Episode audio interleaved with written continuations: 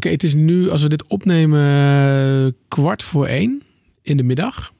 En we gaan het hebben over de brexit. Maar zoals dat gaat bij de brexit, gebeuren natuurlijk heel veel dingen terwijl we aan het opnemen zijn.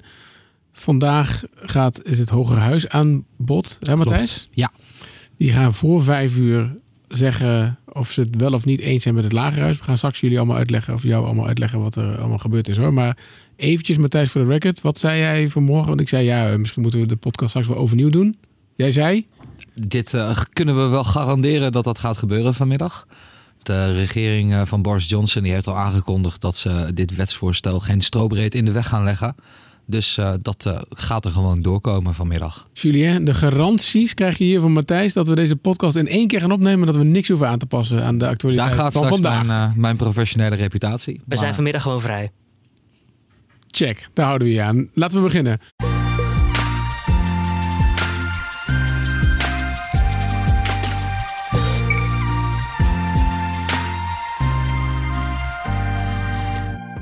Welkom bij de Week van Nu, de wekelijkse podcast van Nu.nl. Waarin wij, eh, zoals altijd, de deuren wagenwijd openzetten voor, voor jou. Eh, jij mag, eh, een, krijgt eigenlijk een kijkje bij ons op de redactie. En wordt onderdeel zo van ja, eigenlijk de gesprekken die we hier voeren en de discussies die er zijn. Toch, Julien? Zeker weten, want ja, elke week hebben we weer het belangrijkste of het interessantste onderwerp dat ja, bespreken we hier in de podcast. En daarvoor nodigen we iemand uit. En deze week Matthijs Lelou. Ja, ik hoorde, ik, ik weet niet zo goed. we hebben sinds een tijdje een nieuwe podcast, eh Andermans Zaken. van de economieredactie. Ja, en die hadden bedacht om te zeggen dat ik dan zou zeggen: Jij bent Julien Dom. En jij bent Gert-Jaap Hoekman. Ja, maar ja, Dat is een beetje cringe. ja laten, we, laten, we, laten wij dat niet doen, hè? Een Ik- beetje. Mijn tenen hebben net sporen hier in de vloer getrokken. nou goed, laten we dan anders zeggen. Ik ben Gert-Jaap Hoekman. Ik ben de hoofdredacteur van Nu.nl. En zoals altijd eh, aan mijn linkerzijde mijn trouwe kameraad Julien Dom. Goedemiddag, goeieochtend, goedenavond. En de naam viel al een paar keer. Hè. We gaan het eh, lekker hebben over de brexit. Ehm, Matthijs Lelou, welkom. Dankjewel. Leuk om hier te zijn. We gaan het er uitvoerig over hebben. Eh, voordat we dat gaan doen, ehm, ik hoorde op de radio of in de media. eh, werd het, ging het een beetje over Brexit-moeheid. Dat- Alsof die er zou zijn. Daar heb jij geen last van volgens mij, hè? Nee, nee. En dat hebben we afgelopen week ook niet gemerkt. Nee, ook hè? bij onze lezers niet. Nee. Eh, we hebben een aantal live blogs bijgehouden over alles wat er in het lagerhuis gebeurde deze week. En eh, nou, volgens mij eh, vonden de mensen dat best leuk om dat te lezen. Ja, het is misschien ook een beetje een cliché om dan te zeggen... als je een onderwerp zo vaak hebt behandeld... dat je zegt, je wordt een beetje moe van. Ik, heb, ik dacht ook van, moet ik nou Brexit-moeheid hebben? Ik heb er helemaal geen last van. Jij, Maar nee, maar het blijft steeds anders. Het is wel hetzelfde onderwerp als je het van bovenaf kijkt, maar daaronder verandert er zoveel. Eh, we hebben nu een nieuwe premier daar in het Verenigd Koninkrijk. Ja, ik wil wel up-to-date blijven van wat is daar aan de hand. Ja, ik denk dat de Brexit-moeheid, als je naar het Verenigd Koninkrijk gaat, dan is dat eerder dat mensen denken van, oh, we, we wouden dat het eindelijk een keer voorbij was. Dat, Dat we een keer wisten waar we aan toe zijn. Ja, Maar eh, ze blijven wel, denk ik, aan de televisie en aan de krant eh, gekluisterd. Ja. Nou, voordat we het er verder over gaan hebben, laten we even, zoals altijd, vinden we het ook tof om hier eh, ehm, ja, te hebben ook over brieven, mails, eh, andere interessante dingen die we krijgen. Je steekt je vinger op, Julien. Wat is er? Ja, oh, joh, ja. Ja, ik denk ik doe er even een stukje vormgeving ah, doorheen. lekker man. Heerlijk. Beter professioneel.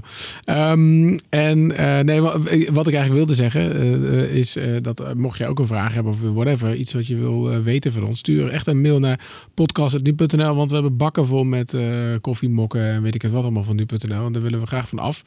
Ehm, en, we- nee, en, en zonder gekheid, we vinden het juist tof om het in deze podcast te hebben over de vragen die jullie hebben en dingen die jullie van ons willen weten. Dus Nou, het is ook gewoon, we hebben natuurlijk we doen steeds meer met nu jij erbij. En Ja. daar merken we ook gewoon, weet je, die interactie. Als je luistert en je hebt een goed idee, vaak zijn het ook echt hele goede ideeën. En wij kunnen ook niet alles altijd maar zien als Nee. redactie. Mag ik, mag ik dan meteen iets zeggen over nu jij? Ja. Wat, mij, eh, wat- mij deze. Want zo, zo, eh, we hebben het hier heel vaak over nu jij. En ik denk dat dat eh, terecht is. Want het is gewoon best wel een bijzondere, bijzondere plek waar. waar waar je altijd wel ja, tot verrassende dingen ziet komen of zo. En deze week uh, uh, hadden, we, hadden we natuurlijk het nieuwsbericht over, over euthanasie. Hè? Dus het expertisecentrum euthanasie die zegt dat ze 15% meer euthanasieverzoeken krijgen uh, ten opzichte van vorig jaar. En dat vonden ze zelf um, best wel opmerkelijk, omdat het juist afgelopen jaar heel stabiel was. Dus nou, ze, ze, ze, vragen zichzelf wel af um, wat dan precies de reden is van die stijging. Maar wat nou zo eigenlijk ja, toch wel mooi is aan nu jij, is dat je ziet dat daar ineens dus vanuit allerlei... Ja, iedereen zit natuurlijk op nu.nl en ook iedereen zit op nu jij blijkbaar weer. Want we hadden zowel een arts die een, een verzoek heeft gehad van het, van het, van het expertisecentrum... als iemand die daar op de wachtrij staat... Reageerde op nu jij. Dat laatste is natuurlijk... Op de uh, wachtrij? Ja. ja. Nou, we hebben, Bijzonder. ja, een bericht van, van Danny, of Danny Erdam. Dus ik denk Danny Rotterdam. Die zegt dat hij al dat hij nog vijf wachtenden voor zich heeft en dat hij al een jaar op de uh, lijst uh, staat. Ja, best wel uh, ja, bijzonder eigenlijk dat dat zo werkt. Ja, zou die, zou die dan ook af en toe een, een update krijgen van nou, er zijn nog zoveel wachtenden voor je? Ja, ik denk het wel, want hij zegt het heeft zeven maanden geduurd om van nummer 6 naar nummer 5 te schuiven. Dus zo. Ja. Wat, do, wat doet dat met je? Hè? Ja. Uh, vraag ik me dan uh, gelijk af. En die, die arts die we, die we hadden, dat was ook, ook nog wel weer een bijzonder verhaal. Um, Hans uh, heet hij. of Hans 1951 heet hij op nu jij. Um, en die zegt van ja, ik heb één keer een verzoek gehad van de, van de Levenseinde Kliniek om mee te werken. Um, nou, hij zegt zelf, niet, het wordt niet helemaal duidelijk of hij het nou wel of niet gedaan heeft, maar hij zegt dat het een overduidelijk geval was. Maar hij zegt ook, ja, de eigen arts die kon, niet, uh, die kon het niet in overeenstemming brengen met zijn geweten. Nou, de meeste collega's die die toen had, die dachten er hetzelfde over. En hij zelf zegt dat hij ook geen voorstander is van dit soort uh, instellingen. Nog, nog van euthanasie. Hij zegt, um, ja, voor de beoordeling moet je echt een veel duidelijkere band, of een sterkere band hebben tussen een arts en een patiënt, om daar echt iets goeds over, over ja. te kunnen zeggen. Maar tegelijkertijd, als, als jou, jouw huisarts dan gewetensbezwaren heeft, dan ben je natuurlijk ook klaar als zo'n band met de arts ja. een vereiste is. Ja. Dan zou je dus naar een andere huisarts moeten gaan die dat ja. misschien niet en heeft. daar eerst een band mee opbouwen Ja. en dan je euthanasieverzoek Ja, doen. dat, dat lijkt het op. Dan begrijp ik ook wel meteen waarom er een wachtrij is.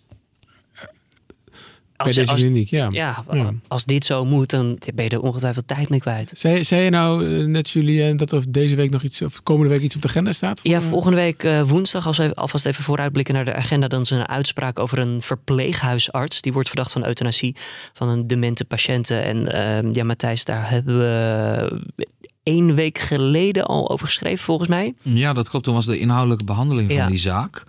Uh, nou, met de goede, ik heb het niet helemaal helder. Dus ik zal nog even kijken voordat ik straks allerlei dingen ga roepen die niet kloppen. Maar ik meen dat het OM, uh, dat het OM uh, moord uh, eist. Dat, uh, dat ze veroordeeld wordt voor moord. Maar dat haar geen straf wordt opgelegd. Oké, Dus echt een symbolische, symbolische stap. Ja, Nou, volgende week woensdag daarover dus de uitspraak. Oké, nou daar gaan we dus nog wel meer over. Al dan niet in een podcast. Daar moeten we Ja. even over nadenken. Hey, even een vraagje aan jullie allebei. Eh, zouden jullie mij omschrijven als krampachtig? Nee, Als hoofdredacteur of als mens? Is er een verschil? Is er een verschil? Ehm, nou, Soms. nee, op beide, op beide gevallen niet eigenlijk. eh. Oké, nee, nee, we kregen een mailtje van, eh, van John Maas. De v- vaker besproken man in deze podcast. Misschien kun jij... eh, Ja, hij is erg fan van eh, de beursupdate in de ochtendpodcast. En die hebben we natuurlijk een tijdje gehad. eh, waarin we 's ochtends even ja, een beursupdate gaven van hoe staat het ervoor in Europa, Nederland, Verenigd Koninkrijk, Amerika. Maar hebben we uiteindelijk weer geschrapt omdat het toch niet helemaal een vorm wist ja, te, te krijgen waarvan wij dachten, ja, dit werkt en dit is ook interessant. De houdbaarheid was ook ja, discutabel te noemen op zijn minst. Maar ja, John die was zelf erg fan en hij schrijft dus ook, eh, ja, ja, dit haal je mooi eh, naar boven inderdaad. Eh, Nee, de hoofdredacteur doet er krampachtig, dit deed er erg krampachtig over. Ehm een en ander zou worden geëvalueerd en sindsdien is het beursnieuws geschrapt. ja, we hebben er wel over gepraat nog. Ja, Maar we weten niet de manier, of we zijn er niet over uit op welke manier dit wel interessant kan blijven voor een podcast die eigenlijk oud is als je hem online plaatst, maar nog wel uren mee moet gaan. ja precies. Dus ik kan, ik kan ook John wel minder krampachtig doen en dan zeg ik gewoon, we doen het niet. Punt. Ja, eh, Was er niet ook toen we hadden een, een, een- toen de beurswidget op de voorpagina, Ja. toen die verdween van de voorpagina. Ja, dat was ook mijn hebben we schuld. geweten ook. Dat was ook mijn schuld, ja. Maar die is wel weer terug. Eh, want eh, dit- het is eigenlijk, maar dat is ook wel, ja goed. Kijk, nu.nl be- bereikt per maand ongeveer 8 miljoen eh, bezoekers. Ja, Ehm, eh, je hebt natuurlijk eh, heel veel mensen, hè, ik bedoel, stukken worden heel goed gelezen, maar je hebt natuurlijk ook heel veel dingetjes die door, door minder mensen worden. En dan is het altijd lastig om te zien van ja, zo'n beurswidget. Ja, het krijgt dan, als je naar die 8 miljoen kijkt, dan denken we, nou, wordt niet superveel eigenlijk. Misschien moeten we er iets anders neerzetten. Maar die, laten we zeggen, 20.000 mensen, ik zou ze niet thuis willen hebben.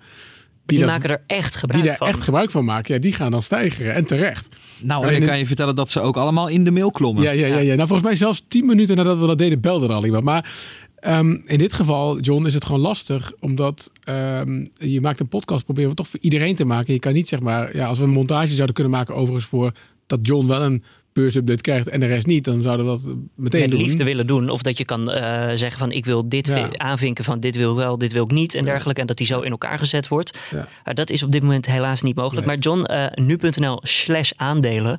Maak daar gewoon je startpagina van. Eh, laat het voorlezen. Misschien heb je dan... Ja, Ik weet niet. Ach, hij komt in ieder geval niet in de podcast. Want daar is Dus, eh, gewoon... We kregen ook heel veel mensen die het niet, niet tof vonden. Laten we doorgaan. naar de brexit. Yes.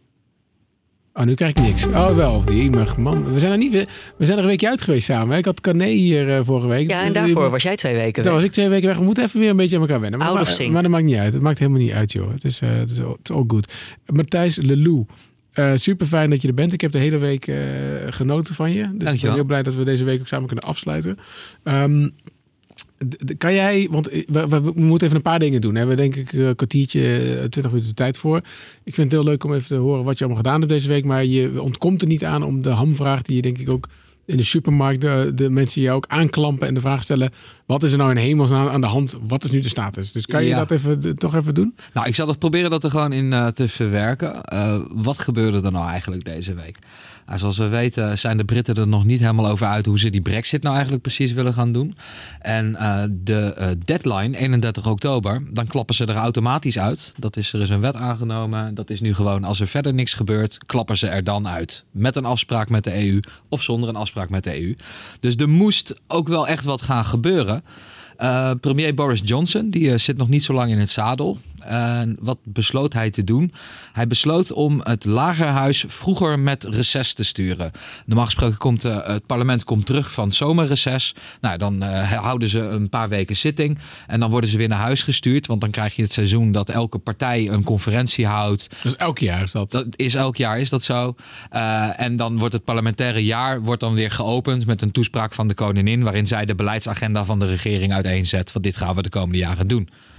Eh, Boris Johnson die heeft die, die tijd ingekort die het parlement na het zomerreces nog zat. Die zei van jongens, jullie mogen vier dagen eh, zo'n beetje zitten en dan gaan we weer met reces. En dat zou betekenen dat het parlement niet, niet veel inspraak meer had om eh, die harde brexit op 31 oktober te voorkomen. Dus wat heeft het parlement? De oppositie in het parlement die heeft een motie ingediend. Ze moesten eerst moesten ze de controle over de agenda in het lagerhuis overnemen van de regering. Want de regering die maakt die agenda. Dus als Johnson zegt we gaan niet over deze motie stemmen, gebeurt dat in principe ook niet. Dat was de eerste dag eh, van drama. Dat hebben wij eh, met een live blog hebben we dat eh, gevolgd. Eh, ja, dan gaan ze urenlang debatteren. Dan komt er een, uiteindelijk een stemming uit naar allerlei wijzigingsvoorstellen. Dat is aangenomen dinsdag. Toen was woensdag was het, eh, het uur U. Toen werd die motie om een no-deal brexit op 31 oktober te verbieden. Dus het parlement zegt tegen Johnson: als het daarop dreigt uit te draaien, moet je naar Brussel toe om uitstel aan te vragen. Eh, die motie die Vond heeft dan een leuk idee, toch? daar was hij zelf eh, niet blij mee. Eh, Boris Johnson die heeft vandaag heeft hij gezegd dat hij liever dood in een greppel zou liggen dan dat hij naar Brussel gaat om meer uitstel aan te vragen. Dus hij maakt van zijn hart geen moordkuil. Die wet is dus aangenomen in het eh Lagerhuis woensdag. Even goed de dagen uit elkaar houden. Ook dat hebben we weer met een liveblog gevolgd. En vandaag volgt eh, de laatste stap eh, in het goedkeuren van elk wetsvoorstel. Het Hogerhuis, de Britse Eerste Kamer, die moet zich daar nog eh, over buigen. Het was eh, eerst zo dat eh, de regering misschien een beetje zou gaan saboteren. Ja. Dat eh, zij, die, die, er waren op die motie in het Hogerhuis waren meer dan 90 amen- amendementen, dus wijzigingsvoorstellen ingediend. En in het Hogerhuis is de spreektijd niet op dezelfde manier gebonden als in het Lagerhuis. Dus in principe kunnen die lords dan blijven praten over die 90 wijzigingsvoorstellen. Net zolang totdat het parlement weer met reces moest. Nou, inmiddels is de regering er al over uit dat dat niet heel veel gaat opleveren. Dus die hebben gezegd, we gaan geen verzet meer leveren in het Hogerhuis. Die wet die komt er gewoon door en we willen zo snel mogelijk nieuwe verkiezingen houden.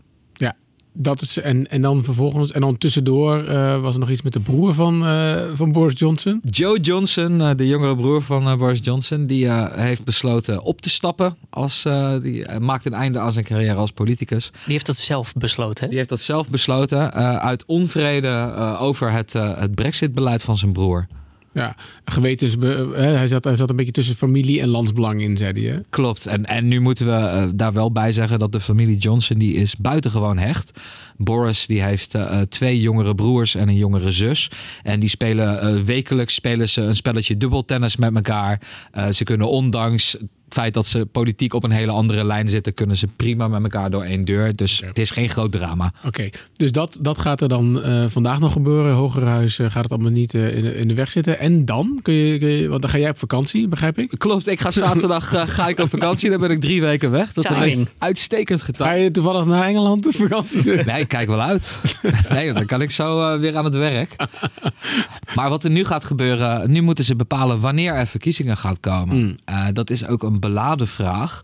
Want Johnson die kan een aantal trucjes uithalen. Boris Johnson die zegt ik wil het liefst op 15 oktober verkiezingen hebben. Dan kan ik op 17 oktober, dan is er eh, de Europese Raad eh, in Brussel, 17 en 18 oktober. Dan kan ik daar op 17 oktober heen. Dan heb ik hopelijk een nieuwe meerderheid in het parlement. Dan kan ik nog proberen om wat te onderhandelen met de EU. En dan kunnen we er gewoon op 31 oktober uit. Eh, de oppositie die zegt, ja jongens, dat zien we niet zitten. Want eh, dan, eh, dan li- ligt eigenlijk al het voordeel bij Johnson. En Johnson zou zelfs kunnen zeggen, als hij eh, een meerderheid wint op eh, 15 oktober, zou hij kunnen zeggen van nou, dan veeg ik ook die wet die een no-deal verbiedt, die dus deze week is aangenomen, die veeg ik gewoon weer van tafel. Dat mag. Dat mag. Ja, en wat hij ook zou mogen doen, is dat hij zegt: we houden op 15 oktober verkiezingen. En de premier die heeft de bevoegdheid om op een later tijdstip te zeggen: jongens, we schuiven die verkiezingen op. En dan houden we ze gewoon in november. Dus na 31 oktober, na de Brexit. Maar dan wil hij dan zo graag een no-deal? Nee, nee, nee. Boris Johnson zou liever een deal zien. Maar hij heeft zijn lot wel heel erg verbonden aan de Brexit. En ook zeker aan Brexit op 31 oktober. Dus politiek gezien heeft hij zichzelf wel een beetje in een hoek geverfd. Maar hij heeft eh, vorige maand hadden we de G7 in eh, Frankrijk. En daar heeft Johnson wel de andere Europese leiders ervan te overtuigen dat als het even kan, zou hij liever met een deal eruit gaan. Oké, dus als ik het goed begrijp, sowieso eh, hoor ik al dat jouw vakantie perfect getimed is. Want de komende drie weken zal er niet superveel spannend gebeuren. En daarna weer heel erg wel. Ja, daarna wordt het. Eh, eh, wat zou je ook eerder dan 15 oktober kunnen verkiezen? Of Zijn daar nog bepaalde wetten voor of zo? Voor mij is het in Nederland toch ook wel. Je hebt ook een recht om campagne te voeren en zo, toch? En, eh, Ja, klopt. De, de tijd is daar gewoon niet genoeg voor. Dat Nee. is 15 oktober. Dat is wel zo'n beetje het vroegst haalbare wat ze, wat ze nu kunnen doen. ja. En dan is dus het idee, we gaan, stel je voor op 15 oktober eh, stemmen. Dan hoopt Johnson dat zijn partij eh, nog veel, de meerderheid gewoon groter wordt. Nou, de- ze hebben geen meerderheid Of ze meer. hebben geen meerderheid meer. Nee, nee, want dat zijn natuurlijk mensen overstapt. Ja, dus, Dat ook. En, en de meerderheid die ze hadden was al heel erg klein. Dat was onder eh, de voorganger van eh, Johnson, Theresa May, was dat al zo. Die moest gedoogsteun hebben van de Noord-Ierse partij DUP. ja. Tien zetels. Die had ze ook echt nodig. Ja, en, eh, dus, maar, maar hij hoopt een, een meerderheid te krijgen Ja. in ieder geval. En als hij die meerderheid heeft en, en niemand gaat ook weer overlopen, zoals van de week ook gebeurde, dan kan hij gewoon in principe zijn, zijn Brexit-plan eh, akkoord krijgen en kunnen ze dat gaan invoeren vanaf eh, nou ja, de 31ste dan. Inderdaad, ja. Maar het is natuurlijk ook heel goed mogelijk dat hij helemaal geen meerderheid krijgt. En heb je al enig idee wat er dan kan gebeuren? Want is het, bedoel, mensen vragen zich natuurlijk ook nog wel eens af, ja, eh, komt die Brexit er überhaupt wel? Ja, dat, is, dat, dat blijft natuurlijk de vraag. Eh, dat, is, dat blijft onmogelijk om daar een sluitend antwoord op te geven. Het ziet er nu wel naar uit dat, dat het Verenigd Koninkrijk meer naar een brexit neigt. Nog steeds dan niet. Eh, als je het aan het volk zou voorleggen in een nieuw referendum... dan verandert die overweging misschien.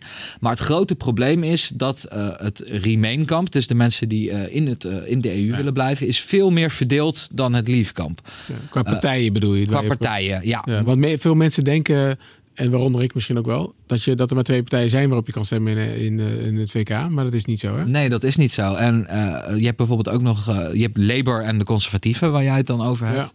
En dan heb je ook nog de Lib Dems, de liberaal-democraten. Dat is eigenlijk de derde partij. Daar zat toch die halve Nederlander of zo, of niet? Dat zeg ik nooit heel doms. Dat zegt me zo even Oh, niet nou, heel veel. maar, maar- Maar goed, die zei, dat, dat, dat is een echte anti-Brexit partij. Die hebben vanaf het begin hebben ze gezegd, we willen helemaal geen Brexit. Dus eh, die trekken ook heel veel Remain-stemmers aan. Terwijl Labour eh, eigenlijk een beetje een kwakkelende koers heeft gevoerd. De leider van Labour, Jeremy Corbyn, is altijd een, een heel eurokritische parlementariër geweest. En een voorstander van een Brexit. Mm. Na het referendum moest hij eh, als Labour-leider moest hij gaan, want het merendeel van de partij is tegen Brexit. Moest hij als Labour-leider moest hij dan campagne gaan voeren, ook in aanloop naar het referendum, eh, voor het Remain-kamp. Nou, dat deed hij een beetje halfhartig. Dus dat, je kon merken dat hij dat niet echt zag zitten. Dus mensen die echt heel erg Remain zijn, die zeggen ook van ja, maar Jeremy Corbyn is ook niet overtuigend als, als, als eh, eh, kampioen van De- ons standpunt. Eigenlijk zou er een partij moeten komen met twee verkiezingsbeloftes. De eentje is daarvan Remain. En Ja. de tweede, als we hebben gewonnen, nieuwe verkiezingen de dag daarna. Dan gaan we er meteen weer uit. We gaan alleen Remain. Ja, dat, dat zou wel Dit is een oplossing, zijn. volgens mij. Ik heb het Brexit-probleem opgelost. Dat hebben ze geprobeerd. Eh, Jeremy Corbyn die heeft ook al gezegd: eh, we kunnen wel een soort van transitieregering doen. Dan leid ik die wel. En dan, zodra de Brexit eh, van de baan is, dan houden we verkiezingen. Maar de andere partijen zien dat niet echt zitten. Hey Julien, ehm, weet jij eh, nog wat Brexiting betekent? Ja, je hebt het me een keer uitgelegd op een feestje. Niet weggaan, eindeloos blijven, maar wel zeggen nee, dat je ik gaat. wil zeggen, iemand die zegt dat hij gaat en dan gewoon altijd blijven. Ik, ik ben ook zo iemand hoor. Prachtig. Ja, ik heb nog eentje, dan drie uur later zie je hem nog steeds staan. Maar Ja. trouwens, is niet helemaal meer waar. Vroeger, vroeger was ik zo. Ik, ben, ben, ik heb mijn leven wel gebeten. Hé, Matthijs, jij... ehm, eh, ik was dat helemaal weer vergeten, maar jij hebt die stage gelopen hè, vroeger. Klopt, ja. Ja. Met welk idee... eh, eh, toch een beetje, want ik ben, ik ben geïnteresseerd. Jij doet heel veel buitenland voor ons. Hè? Eh, ik, ik probeer een beetje te ontdekken, waar komt die fascinatie bij jou vandaan voor dat, voor dat buitenlandse nieuws? Had je dat altijd al? Ja, dat had ik altijd al. Ik was als puber was ik al, als ik de krant las, was ik al het meest geïnteresseerd in buitenland. Dat was ook in de tijd dat we de oorlog in Irak hadden. Eh 9-11 was net geweest. Dus het, het ging er ook heel veel over. En ja, mijn interesse gaat er gewoon uit. Jij, jij komt uit het mooie Zutphen, toch? Klopt, ja, Prachtig plaatsje aan de IJssel. zeker. Aanraden waard voor mensen die er graag een keertje heen zouden Veel, willen. veel handel natuurlijk geweest met het buitenland. Maar kan me niet... eh, eh, dat is natuurlijk eh, heel, heel vroeger geweest. Hè? Als Een Hansestad, Hansestad. Dus dat zal het niet zijn geweest. Maar waar, waar komt dan... Zeg maar, bedoel, ja, je las die krant. Maar heb je ook enig idee waar, waar, waar, waarom, waarom dan buitenland? Zeg maar, waarom niet sport of weet ik veel? Ja, nou, dat vind ik heel moeilijk. Ik vind, het, ik vind het heel leuk om verbanden te trekken en om geopolitieke verbanden te trekken. Ik kijk graag naar een grote lijn. Ik eh, verzamel zelf ook eh, geschiedenisboeken die de hele menselijke geschiedenis beslaan. Die dus wat zeggen over hoe wij onze beschaving in de ruimste zin van het woord eh, hebben ontwikkeld. Dus ik vind het, ja, die, die grote lijnen vind ik heel interessant. En ik denk dat dat daar vandaan komt. Is er dan ook een reden waarom je de journalistieke kant hebt gekozen en niet bijvoorbeeld de diplomatieke kant? Hm. Ehm, Want je bent voor mij... eh, je hebt eh, journalistiek gestudeerd, toch? In Zwolle. Ja, ik heb journalistiek gestudeerd. Ik ben een gesjeesde geschiedenisstudent. Dat heb ik daarvoor gedaan. En daarna ben ik eh, toch wat meer de praktische kant op gegaan. Maar ja, waarom journalistiek boven een ander internationaal vak? Ik, ik denk dat als diplomaat kun je toch niet zo kritisch zijn als je als journalist kan zijn.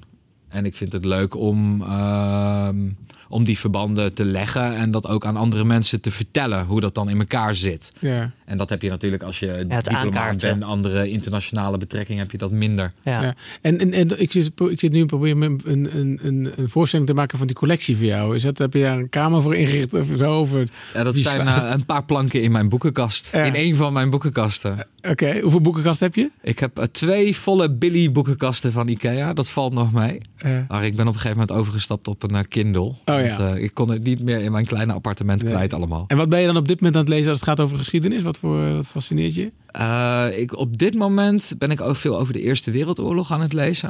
Eh, we hebben natuurlijk ook weer een ronde herdenkingen gehad. Dus Ja. daar ben ik een beetje ingerold. Ehm, en ik eh, lees momenteel heel veel hele slechte sci-fi. Ja? Oké. Ja, dat, moet ook, dat, moet ook, dat, moet, dat moet ook kunnen hoor. Als ik een paar uur op zo'n Brexit liveblog heb gezeten, Ja. dan eh, wil ik graag wat luchtig vermaken als ik thuis kom. Iets ontspannen. Ja, nou inderdaad, want jij hebt natuurlijk veel avonddiensten gewerkt. En ik, eh, hoe, kom je dan thuis en val je dan meteen in slaap? Of moet je dan wel even... Nee, dan zit de adrenaline nog wel zo hoog dat ik eh, toch nog wel even eh, een cooling down moet hebben. ja, Ja. met sci-fi. Ja, onder andere, ja. Eh, Maar als je nu drie weken op vakantie gaat, kan je het dan ook naast je neerleggen? Of trek je dan toch een krant open of dat je even op de app kijkt? ja, ik blijf het natuurlijk wel volgen. Want anders dan eh, loop ik straks hopeloos achter als ik terugkom van vakantie. En ik sluit ook niet uit dat eh, eh, collega's nog iets van mij horen als ik zin heb om ergens tegenaan te bemoeien Oeh, komende weken. Oké, ik mag je dus bellen 's ochtends voor de podcast. Nou, eh, meer omgekeerd. Hij kan jou bellen, begrijp ik. Oeh, dat... Misschien belt Ja, hij wel in. Als, als ik hoor dat het helemaal fout gaat, Julien, dan eh, kom, ik zeker even ingrijpen. Ja. Hey, eh, er gebeurde iets bijzonders, vond ik deze week bij die liveblogs van jou. Eh, namelijk, eh, op een gegeven moment stond de oproep in van ja, heb je vragen, stel me vragen. Ja. Was dat een spontane actie? Of, eh? Daar zijn we eh, een tijdje geleden, een paar maanden geleden, zijn we daar een beetje mee begonnen. Want we dachten, het is wel leuk als er ook een beetje interactie is bij zo'n live Ehm, en we merken dat dat eh, ontzettend in de smaak valt. Hmm. Eh, heel veel mensen sturen vragen op, sturen goede vragen Hoe, op. hoeveel vragen heb je gehad? Kan je dat zeggen? Hoeveel, Eh, nou, ik denk dat op zo- zo'n live blogavond krijg je toch al wel gauw iets van 50 vragen binnen hoor. Zo. Dat is een constante stroom. Dus je hebt iets van 100 vragen gehad eh, deze week. Deze week, ja, Ja. ja. zeker wel. En zijn het echt specifieke vragen die je nog nooit eerder hebt gekregen? Of krijg je steeds dezelfde binnen? Wel heel veel, heel veel dezelfde vragen natuurlijk. Want eh, dan is bijvoorbeeld in het lagerhuis Jeremy Corbyn aan het woord. En dan vragen mensen zich af, hoe kansrijk is Jeremy Corbyn nou eigenlijk als er verkiezingen komen? Nou, dan sturen tien mensen ons die vraag op. Ja. Maar soms dan krijg je ook eh, vragen uit een hele andere hoek. Bijvoorbeeld opeens een, een Brit die in Nederland woont en die zich afvraagt van hoe gaat het dan allemaal straks? Eh, als, als er een harde brexit komt, hoe sta ik er dan voor? Dus dan, dan krijg je toch een beetje een andere invalshoek. ja, de persoonlijke... Ja, en, en, en, en dan krijg je zo'n vraag. Kan je die dan allemaal meteen beantwoorden? Zeg maar, weet jij alles uit je hoofd? Ik, ik zit vrij goed in het dossier natuurlijk. En eh, als je zo'n liveblog bijhoudt, nou, dan dompel je je ook helemaal onder. Dus veruit het meeste, daar kan ik wel een antwoord op leveren. Eh, er zijn natuurlijk ook vragen waar je nog even een kwartiertje research voor moet doen voordat je wat hebt. En er zitten vragen tussen waar ik ook geen zinnig woord over kan zeggen. Nee, zoals, wat eh, noem ik, weet, weet je dat niet? Nou ja, er zijn. Ik bedoel, ik heb ook de vraag gekregen: wie gaan er straks die verkiezingen winnen? Ja, oké. Ja, Ja, dat, dat, dat, dat, is zo. En, en- dat wist. Ja, en, en natuurlijk kwesties waar, waar ook veel onzekerheid over zit. Van ja, gaat de brexit er nou nog komen? Die vraag Ja. die jij me net Ja. feitelijk ook stelde. Ja. Eh, Heel even over die, wie gaat de verkiezingen winnen. Bij peilingen in dit soort momenten totaal om eh, niet, te, niet te vatten? Of eh, heb je er wel wat aan? Ja, het, het is heel ingewikkeld. Even heel kort. Eh, als, er momenteel als er snel verkiezingen worden gehouden, als ze op de 15, wo- 15e worden gehouden, dan heeft Johnson de beste papieren. Peilingen laten zien dat een heel groot deel van die Leave-stemmers, meer dan 50%, zegt we gaan ook echt op de conservatieve stemmen. Terwijl bij die Remain-stemmers die zeggen, nou ja, misschien Labour, misschien de Liberal Toch Democrats. die verdeeldheid, ja. Veel meer verdeeld.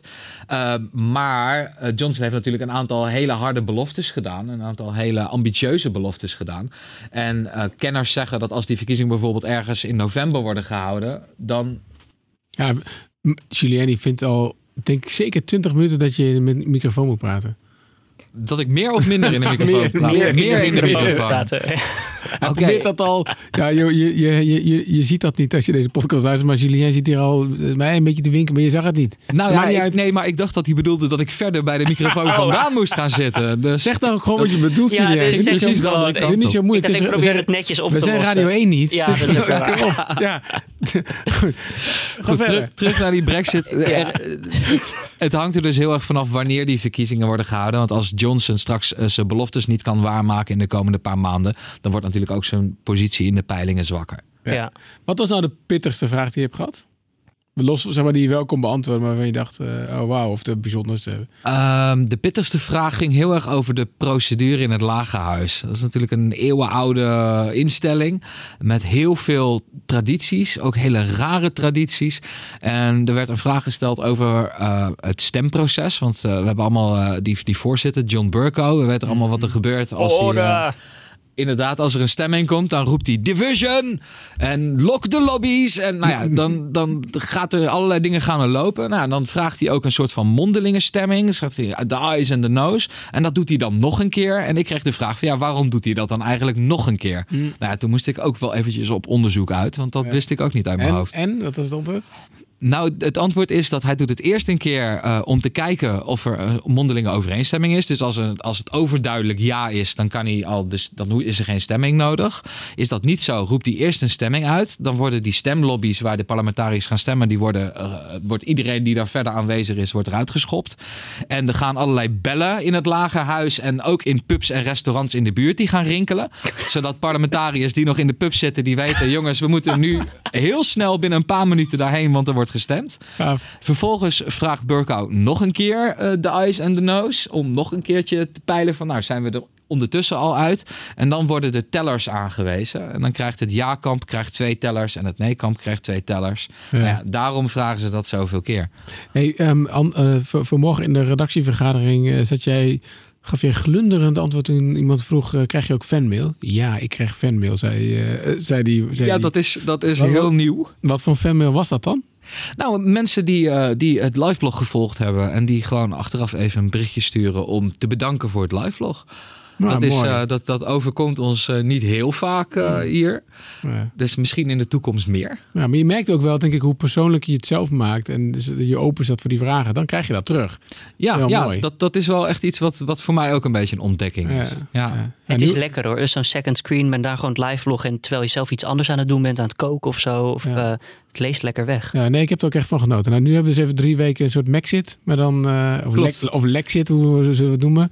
Maar in ieder geval. De Lexit. De, de, de Lexit hebben we even drie weken. En dan, uh, ja, daarna meld je je weer. En volgens mij gaat het nog heel spannende herfst worden. Ja, zeker uh, weten. Hier zijn we voorlopig nog niet mee klaar. Voor jou zijn we nog niet af. Tof, dankjewel uh, Matthijs.